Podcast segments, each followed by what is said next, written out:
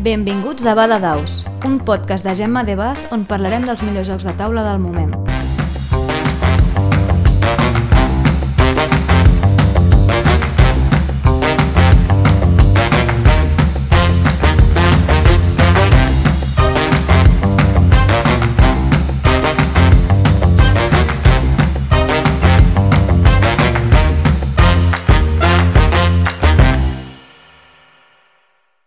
Benvinguts a un altre capítol de Vaga Daus.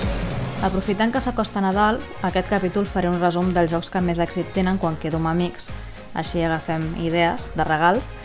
I la veritat és que hi ha tanta varietat de jocs de taula que qualsevol pot trobar un que li agradi, ja sigui per temàtica, per mecànica, Llavors, per exemple, comencem amb el Hive, que és un joc abstracte, és dels meus preferits. Un joc abstracte són aquells en els que no hi ha cap narrativa ni una temàtica específica que sigui el fil conductor, sinó que aquí el que importa de veritat és la mecànica.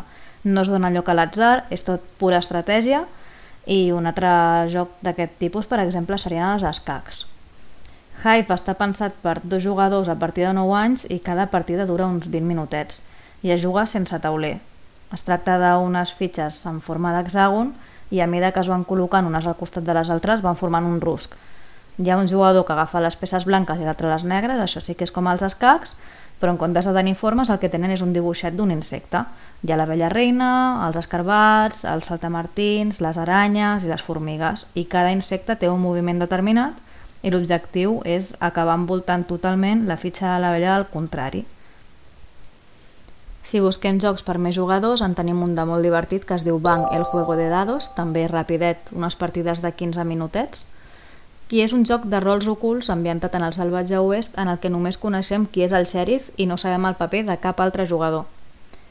Cada jugador té un objectiu diferent en funció del bàndol al que li ha tocat.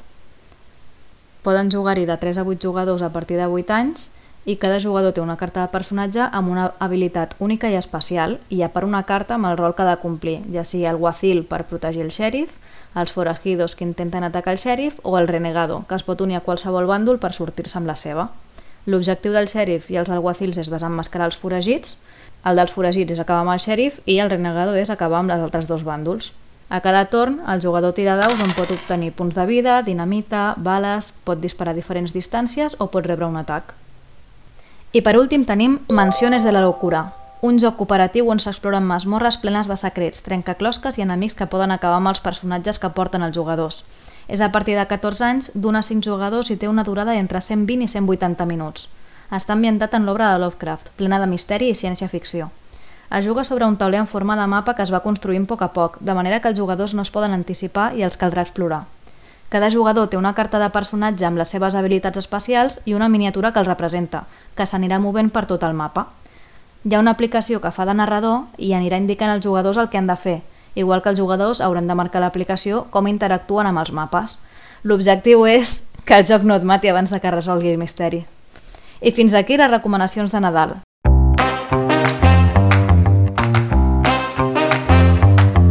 Fins aquí va de Daus, un podcast de Gemma de Bas per la signatura d'àudio digital de la UOC.